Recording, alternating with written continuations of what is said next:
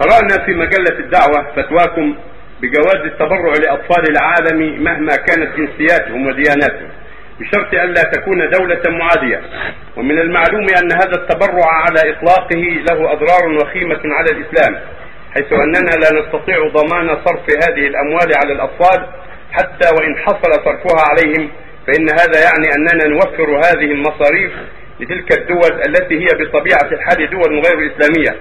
ولا توجد دولة غير إسلامية إلا وتناصب الدول الإسلامية العداء وهم يصنعون الأسلحة وجميع وسائل الفساد لهدم الإسلام. إلى آخر ما مضمون المقصود الضعفاء الذين يحسن إليهم الأطفال يجمعون آثار الحروب أو كذلك أو غير ذلك يجمعون ويحسن إليهم الناس.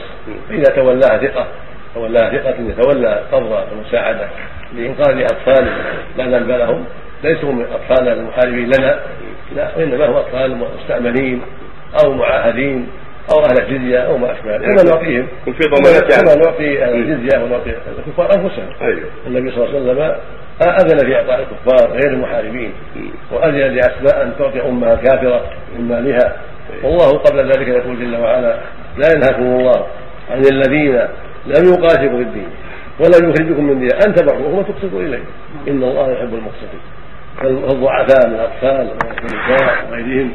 وإن كانوا مشركين إذا كانوا تحت الاستئمان يستعمل عندنا أو معاهدين أو ما أشبه ذلك أو في بلاد من البلدان لاجئين ضعفاء فلا مانع من الإحسان إليهم.